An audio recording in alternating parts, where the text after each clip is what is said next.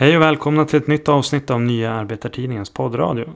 Jag heter Davis Kasa och är redaktör på Nya Arbetartidningen. Och med mig har jag Jan Hägglund, gruppledare för Arbetarpartiet i Umeå kommunfullmäktige. Hej! Tjena!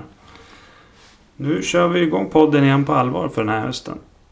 Vi hade ju eh, tidigare pratat om att vi skulle ha ett samtal här om, om vad som händer kring Brexit och den eh, kupp, eller det kuppförsök som den brittiske premiärministern Boris Johnson har försökt sig på att göra. Men eh, saker och ting hänger som fortfarande i luften när det gäller det. Så att vi har tänkt komma tillbaka till frågan om Brexit i senare avsnitt. Så att i dagens avsnitt så kommer vi istället återigen att återvända, och det finns anledning att göra det, till händelser i Umeå kommunfullmäktige som vi tycker måste spridas till en bredare publik. Eh, vi har ju tidigare beskrivit en debatt kring hedersförtrycket som spårade ur. Det var i mars i år. Och den striden har skärpts sedan kommunfullmäktige som var i augusti. Och eh, om vi börjar på kommunfullmäktige då. Och det finns ju inspelat för alla som vill se på nätet. Kan du, kan du berätta lite kort vad, vad var det som utlöste hatstormen i fullmäktige den här gången? Ja, vi hade skrivit en interpellation.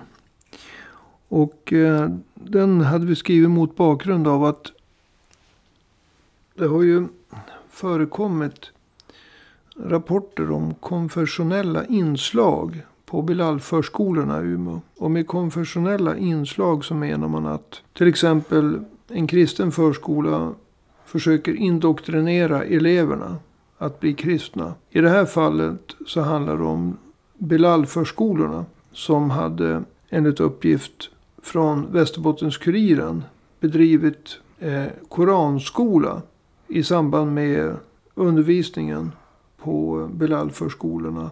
Och det är ett brott mot skollagen. Och eh, eftersom det här inte var första gången utan det här har Bilal-förskolorna i Umeå fått kritik för tidigare. Så ville vi dels ha reda på hur man hanterade den tidigare kritiken.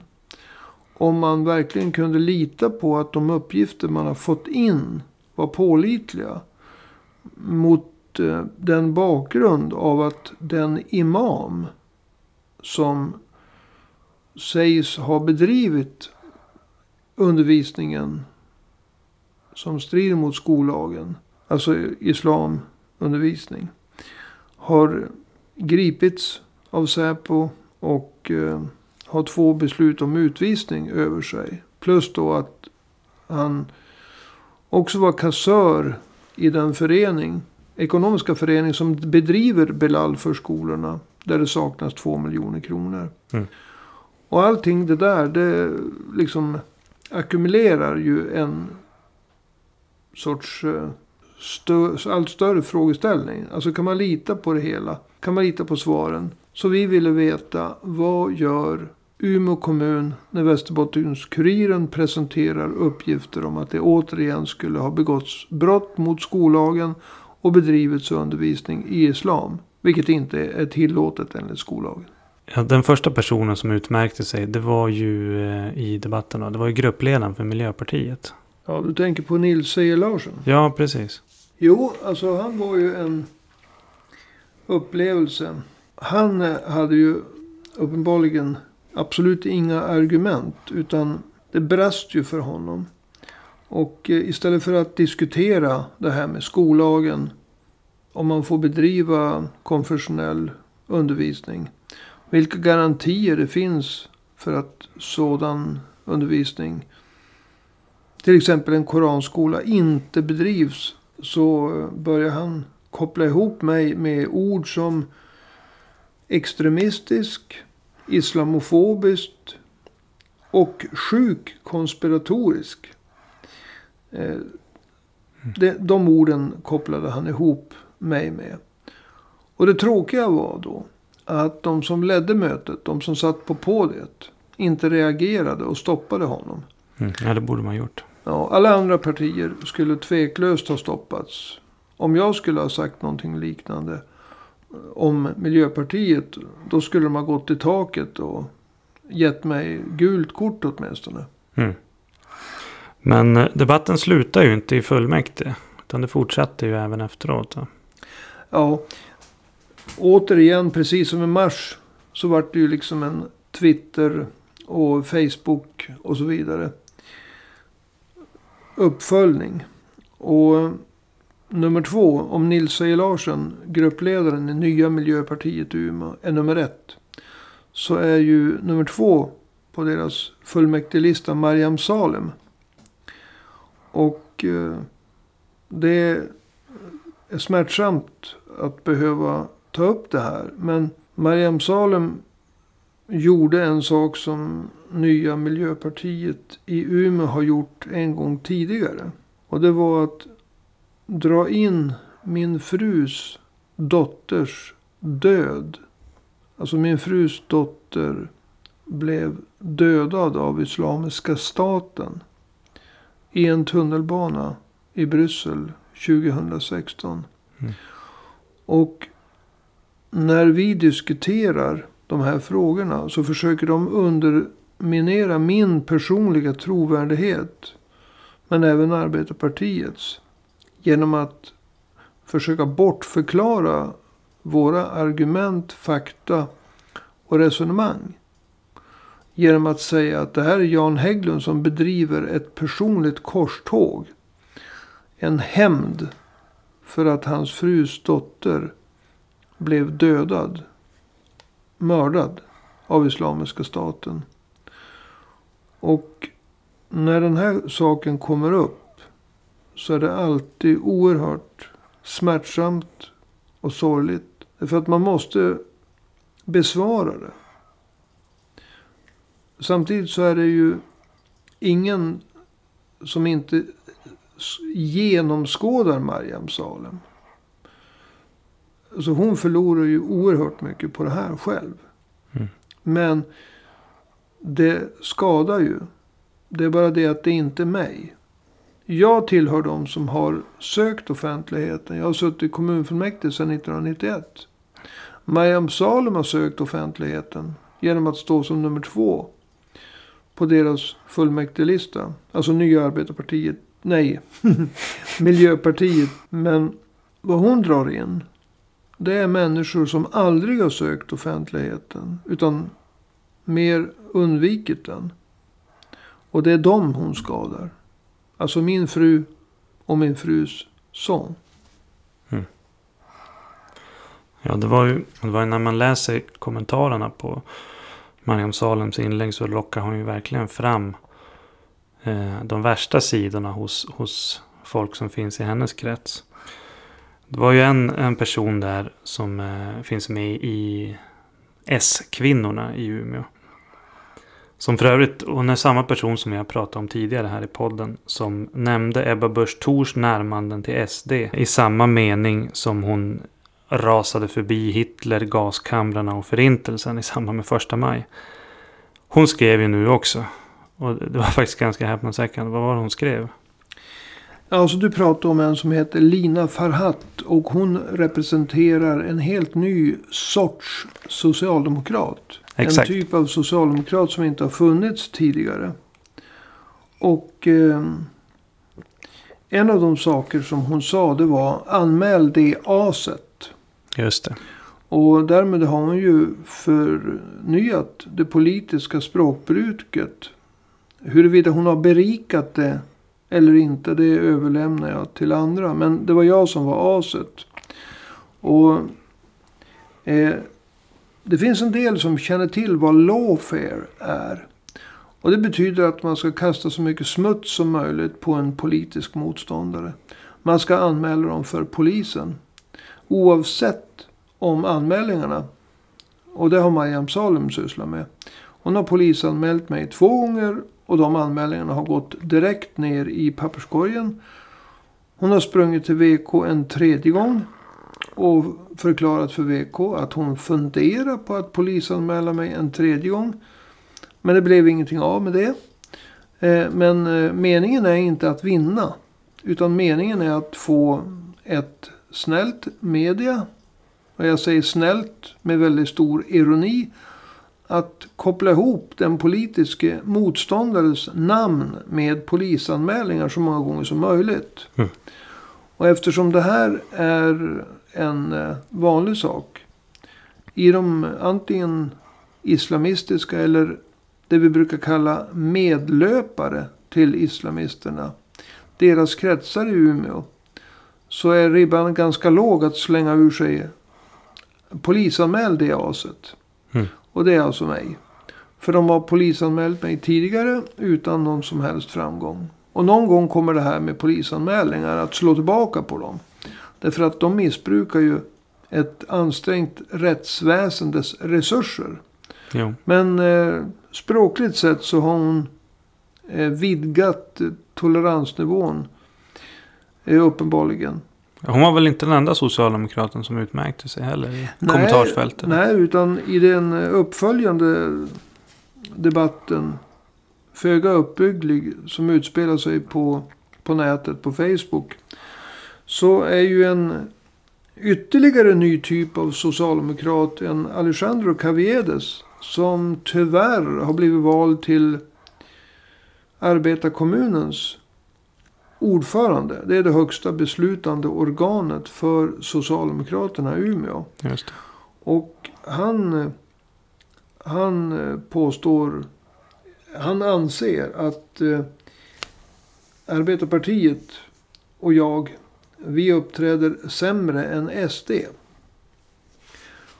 Och eh, det är ju ett ganska häpnadsväckande uttalande. Det stämmer ju till exempel inte med vad Hans Lindberg och Mikael Berglund och de, deras ståndpunkter och agerande. Därför att de- Vilka, vilka är de? Ja, Hans Lindberg är ju ordförande eh, för Socialdemokraternas kommunfullmäktigegrupp, eller gruppledare. Och han är nummer ett i kommunen. Han är kommunstyrelsens ordförande. Just det. Och Mikael Berglund är den som höll i förhandlingarna efter valet. Mm. I en teknisk valsamverkan. Och han är också ordförande i byggnadsnämnden, socialdemokrat.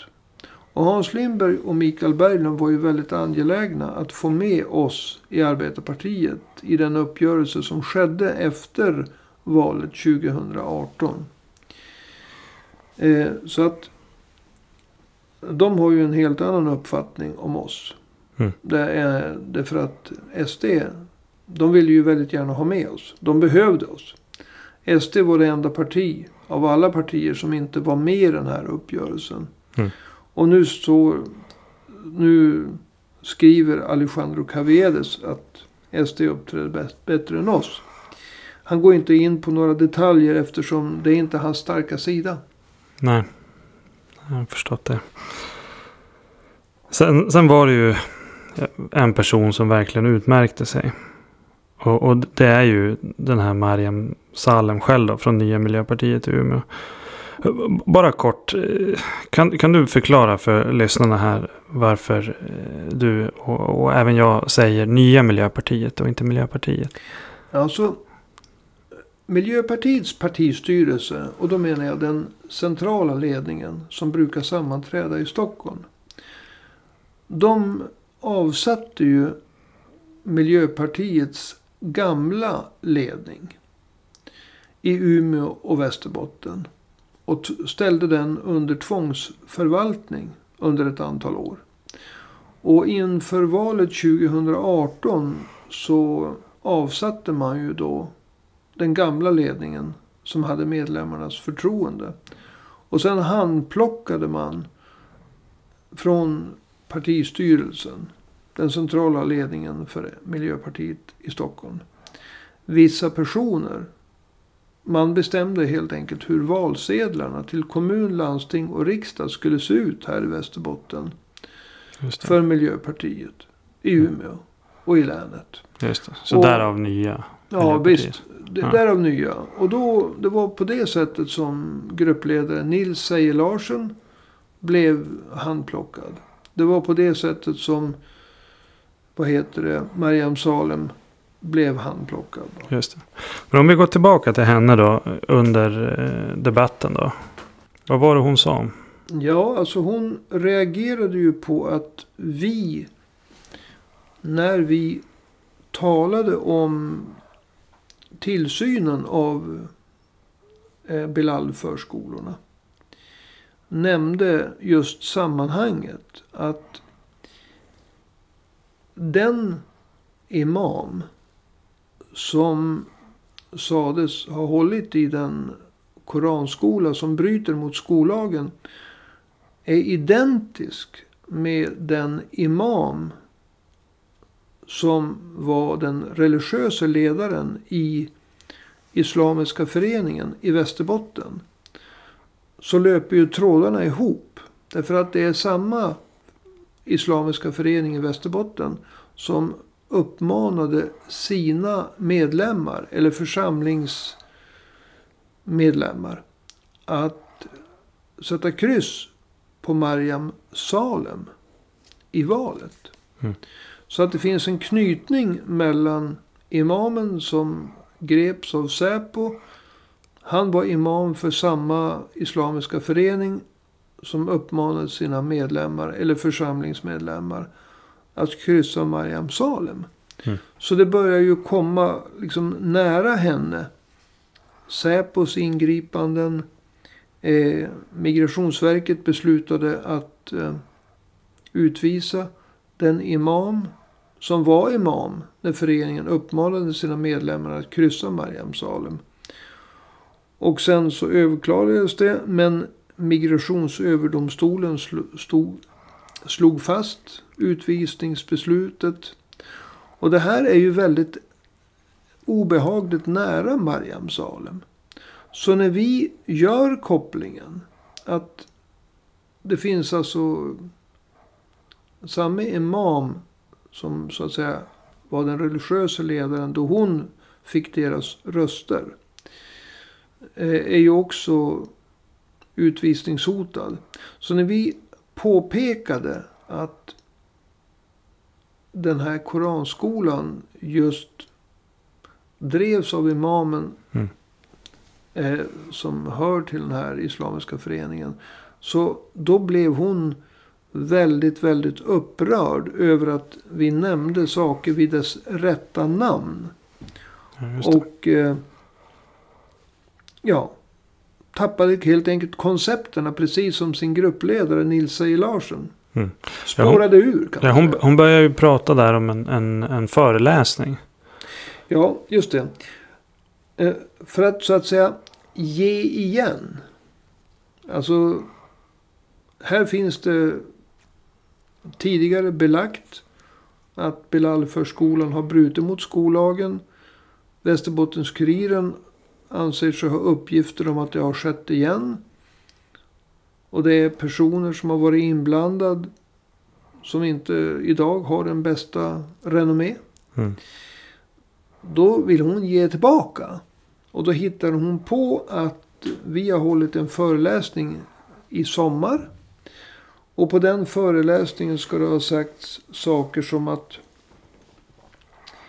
kvinnor och flickor som bär slöja ska marginaliseras i samhället. Mm. Vilket då- är fel på alla punkter. Mariam Salem var inte där. Mm. Hon påstår att det sades saker som inte sades. Och hon säger att föreläsningen hölls i sommar. Och det är Mm. inte rätt på någon punkt. Så det Nej, den- märks verkligen att hon inte var där. Nej, precis. Den föreläsningen var ju den första maj. Vad var det som sades egentligen då? Ja, alltså. Det var ju en föreläsning som var ganska lång. Föreläsaren hade en inledning och en avrundning. Och de finns inspelade. Men om vi ska ställa några centrala saker mot varann. Alltså Mariam Salen säger att det uttryckligen ska ha sagts att kvinnor som bär slöja ska marginaliseras i samhället. Mm. Så är sanningen den att föreläsaren sa så här. Och jag tar mig tid, hoppas jag, att jag får. Att läsa till. Ja, absolut. Och nu citerar jag då föreläsaren. Mm. Det jag kan göra och det jag uppmuntrar alla inklusive ni som sitter i det här rummet, att göra. Det är att man inte ska acceptera. Och inte bara det. Utan man ska aktivt ingripa om man ser en slöjbärande flicka, kvinna, som blir trakasserad, som blir förnedrad, förminskad i det offentliga rummet av andra. Då måste man som medmänniska ingripa. Att jag är kritisk till slöjan betyder inte att jag förespråkar att man ska kränka fysiskt, verbalt, det som bär slöja. Alltså föreläsaren uppmanade alla, även de som lyssnade på honom och hans kritiska inställning till slöjan. Att om någon ser en person, det ska må vara en flicka, en kvinna, som bär slöja och blir attackerad. Så ska man försvara flickan och kvinnan som bär slöja. Och tydligare än så kan man inte säga det. Mm. Mariam Salem påstår att vi skapar oro. Mm. Hon sa väl att det hade kommit unga tjejer till henne och varit oroliga över föreläsningen. Ja, och eh, sen citerade hon vad oron ska ha berott på. Mm. Men eh, vi lyssnade ju igenom vartenda ord av vad föreläsaren sa. Dels i sin inledning och, och dels i sin avrundning. Och det hon påstår har sagts har aldrig sagts. Nej. Däremot har det här sagts att även om föreläsaren är kritisk till slöjan.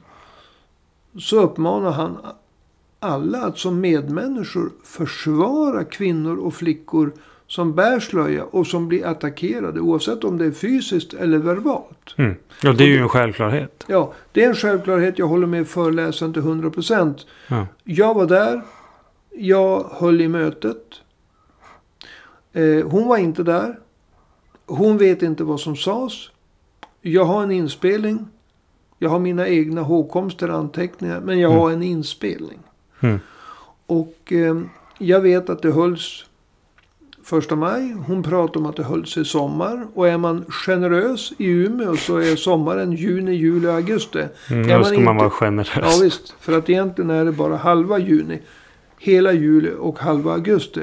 Ja. Men det är en annan sak. Ja. Men alltså hon har inte rätt på en punkt. Nej. Men alltså det, det är ju så uppenbart saker och ting som man kan kolla upp. Och att hon har sagt att det här som du nämnde om att slöjbärande kvinnor ska marginaliseras och så vidare. Och att föreläsningen var i somras. Allt är ju inspelat. Varför ljuger hon så uppenbart, den här Mariam Salem? Ja, alltså jag återvänder till den desper desperation som hon och hennes, eh, låt mig säga gelikar, befinner sig i. Mm. Återigen. Alltså, det finns en sorts uppgörelse mellan nya Miljöpartiet i Umeå och Västerbotten å ena sidan. Och Islamiska föreningen i Västerbotten å andra sidan. Mm. Vi har publicerat foton tagna när de har haft ett gemensamt möte. Mm. Och jag vet inte vad nya Miljöpartiet i Umeå lovade Islamiska föreningen i Västerbotten. Men jag vet att för första gången någonsin så uppmanade Islamiska föreningen i Västerbotten sina medlemmar eller församlingsmedlemmar att kryssa Mariam Salem i valet eh, till Umeå kommunfullmäktige och till eh, landstinget och jag tror även till riksdagen. Mm. Ja, de har ju aldrig gjort sånt förut. De har aldrig gjort någonting mm. sådant. Så att det finns ett samarbete. Och nu när just den föreningen eh, vars religiösa ledare har gripits av Säpo. Har blivit utvis, ett beslut, fått ett utvisningsbeslut på sig. Först via Migrationsverket och sen överklagades det. Men det fastställdes av Migrationsöverdomstolen. Sen kommer det fram att samme imam som har varit kassör i den ekonomiska förening som har bedrivit Belal-förskolorna är ansvarig för att, delansvarig i alla fall, för att det saknas två miljoner kronor av de Mm. skattemedel som Umeåborna har betalat till Belal-förskolorna. Mm. Och sen att det har bedrivits mot skollagen stridande koranundervisning. Mm. Då blir det lite svettigt. För det här närmar sig Mariam Salem. Mm. Det närmar sig hennes, de som hon samarbetar med. Mm. Alltså teologiskt. Det betyder inte att hon är medlem i IS eller något. Så säger jag inte. Men alltså hon har samröre med en islamisk förening. Som delar eh, den wahhabitiska, salafistiska tolkningen av islam. Mm. Och det är samma som Saudiarabien har. Som Qatar har. Som Boko Haram har. Och som Islamiska staten har. För Mm. att inte glömma Al-Qaida. Precis. Och det kan ju skapa en viss desperation hos, hos vem som helst. Som Mm. vill framställa sig själv som en väldigt, väldigt liten försvarslös person. Men Jo. som inte alls är det. Nej, precis. Nej, de grupperna som du räknar upp där, de är ju verkligen inte att, eh, att leka med. Alltså, man, man, det är ju inte för inte som man stä- vill ställa frågan. Alltså, blir du inte orolig för din egen säkerhet när du utmanar den här typen av krafter? Alltså de har använt följande metoder. Först tystnad. Tystnad. Tystnad. Sen kommer polisanmälningar. Mm. Alltså lawfare. Alltså Mm. lögner. Och inte bara en gång. Utan flera gånger. Mm. Nu. Så efter polisanmälningarna kommer de här. Grova metoderna. Att dra in min frus dotters död. Mm. För att försöka underminera trovärdigheten hos mig. Ja, det är ju fruktansvärt. Jag, jag vet ju när, eftersom jag är ansvarig utgivare för Nya Arbetartidningen. Så vet ju jag när jag skrev vad. Tillsammans med andra som jobbar med Nya Arbetartidningen. Mm. Och vi hade ju tagit våra principiella ståndpunkter innan den här händelsen. Ja, vi publicerar den 29 februari Ja. 2016. Eh, så efter tystnad, efter polisanmälningar, efter personlig smutskastning och lögner som den om våran föreläsning. Så finns det bara två saker kvar. Mm. Och det är värre anklagelser. Och det är direkt våld. Mm. Jag är inte orolig för direkt våld. Inte i dagsläget. Men vad jag är orolig för. Det är värre anklagelser. Alltså jag skulle aldrig någonsin gå in i en hiss tillsammans med exempelvis Mariam Salem. Eller någon av de andra. Antingen islamister eller medlöpare till islamister. Som finns i olika partier i kommunfullmäktige. Mm. Därför att jag är rädd att de skulle anklaga mig för antingen att ha tafsat eller slagit. Utan jag skulle aldrig gå in i ett rum som angränsar till kommunfullmäktige. Jag skulle aldrig stanna kvar i fullmäktigesalen ensam i samband med lunchen. Utan när jag närmar mig de personerna måste jag alltid se till att ha vittnen. Mm. För jag, ja, det råder ingen som helst tvekan hos mig. De kommer att ta varje tillfälle att påstå vad som helst. Det är det som kommer. Men eftersom jag har förutsett det. Så kommer jag aldrig någonsin att vara ensam med de personerna. Utan jag kommer alltid ha vittnen. Och du tänker inte retirera? Retirera. Alltså Alltså backa från den här striden? nej. Utan. När de tyska pansartrupperna rullade in i Polen den 1 september för 80 år sedan. Vad kunde en polack göra? Säga jag är neutral. Det hade varit landsförräderi. Och vad som står på spel här. Det är yttrande och tryckfriheten i Sverige. Mm. Det är demokratins fundament. Jag kan inte backa. Därför att det jag överger då. Det är yttrande och tryckfriheten. Det är demokratins fundament. Mm. Det här är personer som antingen själva står för att sharia-lagar ska vara viktigare än de lagar som vi har som grundlagar. Mm. Eller också är det medlöpare till dem. Och jag kan inte överge demokratin till förmån för sharia-lagar. Som tillåter att man eh, tvångs, in, genomför tvångsäktenskap till exempel på barn. Mm. Som inte är lagliga. Eller eh, månggifte. Att man nedvärderar kvinnorna. Att man förklarar att homosexuella kan mördas under vissa förhållanden. Alltså sånt här måste man bekämpa. Även om det har ett pris. Och det har ett, ett pris. Mm. Men det är jag villig att betala. Och jag är inte ensam. Jag tillhör ett parti. Jag har ett parti som stöd. Mm. Men inte bara det. Jag tillhör även ett nätverk på riksplanet. Som bedriver samma kamp. Vi backar inte. All Right. Jag tycker att det blir väldigt bra slutord eh, för idag. Tiden börjar nämligen ta slut. Så jag får helt enkelt lov att eh, tacka för den här gången. Jan Hägglund, gruppledare för Arbetarpartiet i Umeå kommunfullmäktige. Tack. Vi uppskattar också om du som lyssnar delar med dig av den här podden till andra som du känner om du tycker att det vi tar upp viktigt.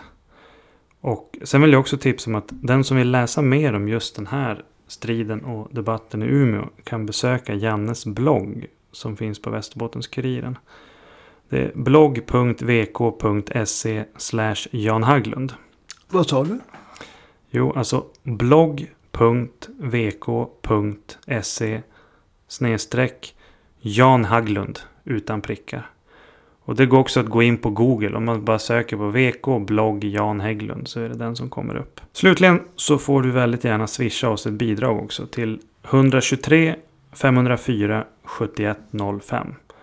Alltså 123 504 7105. Mesta kostar pengar i det här samhället, även att driva en podd. Så swisha oss gärna en femtlapp eller en hundring. Eller töm sparkontot. Det blir vi också glada för.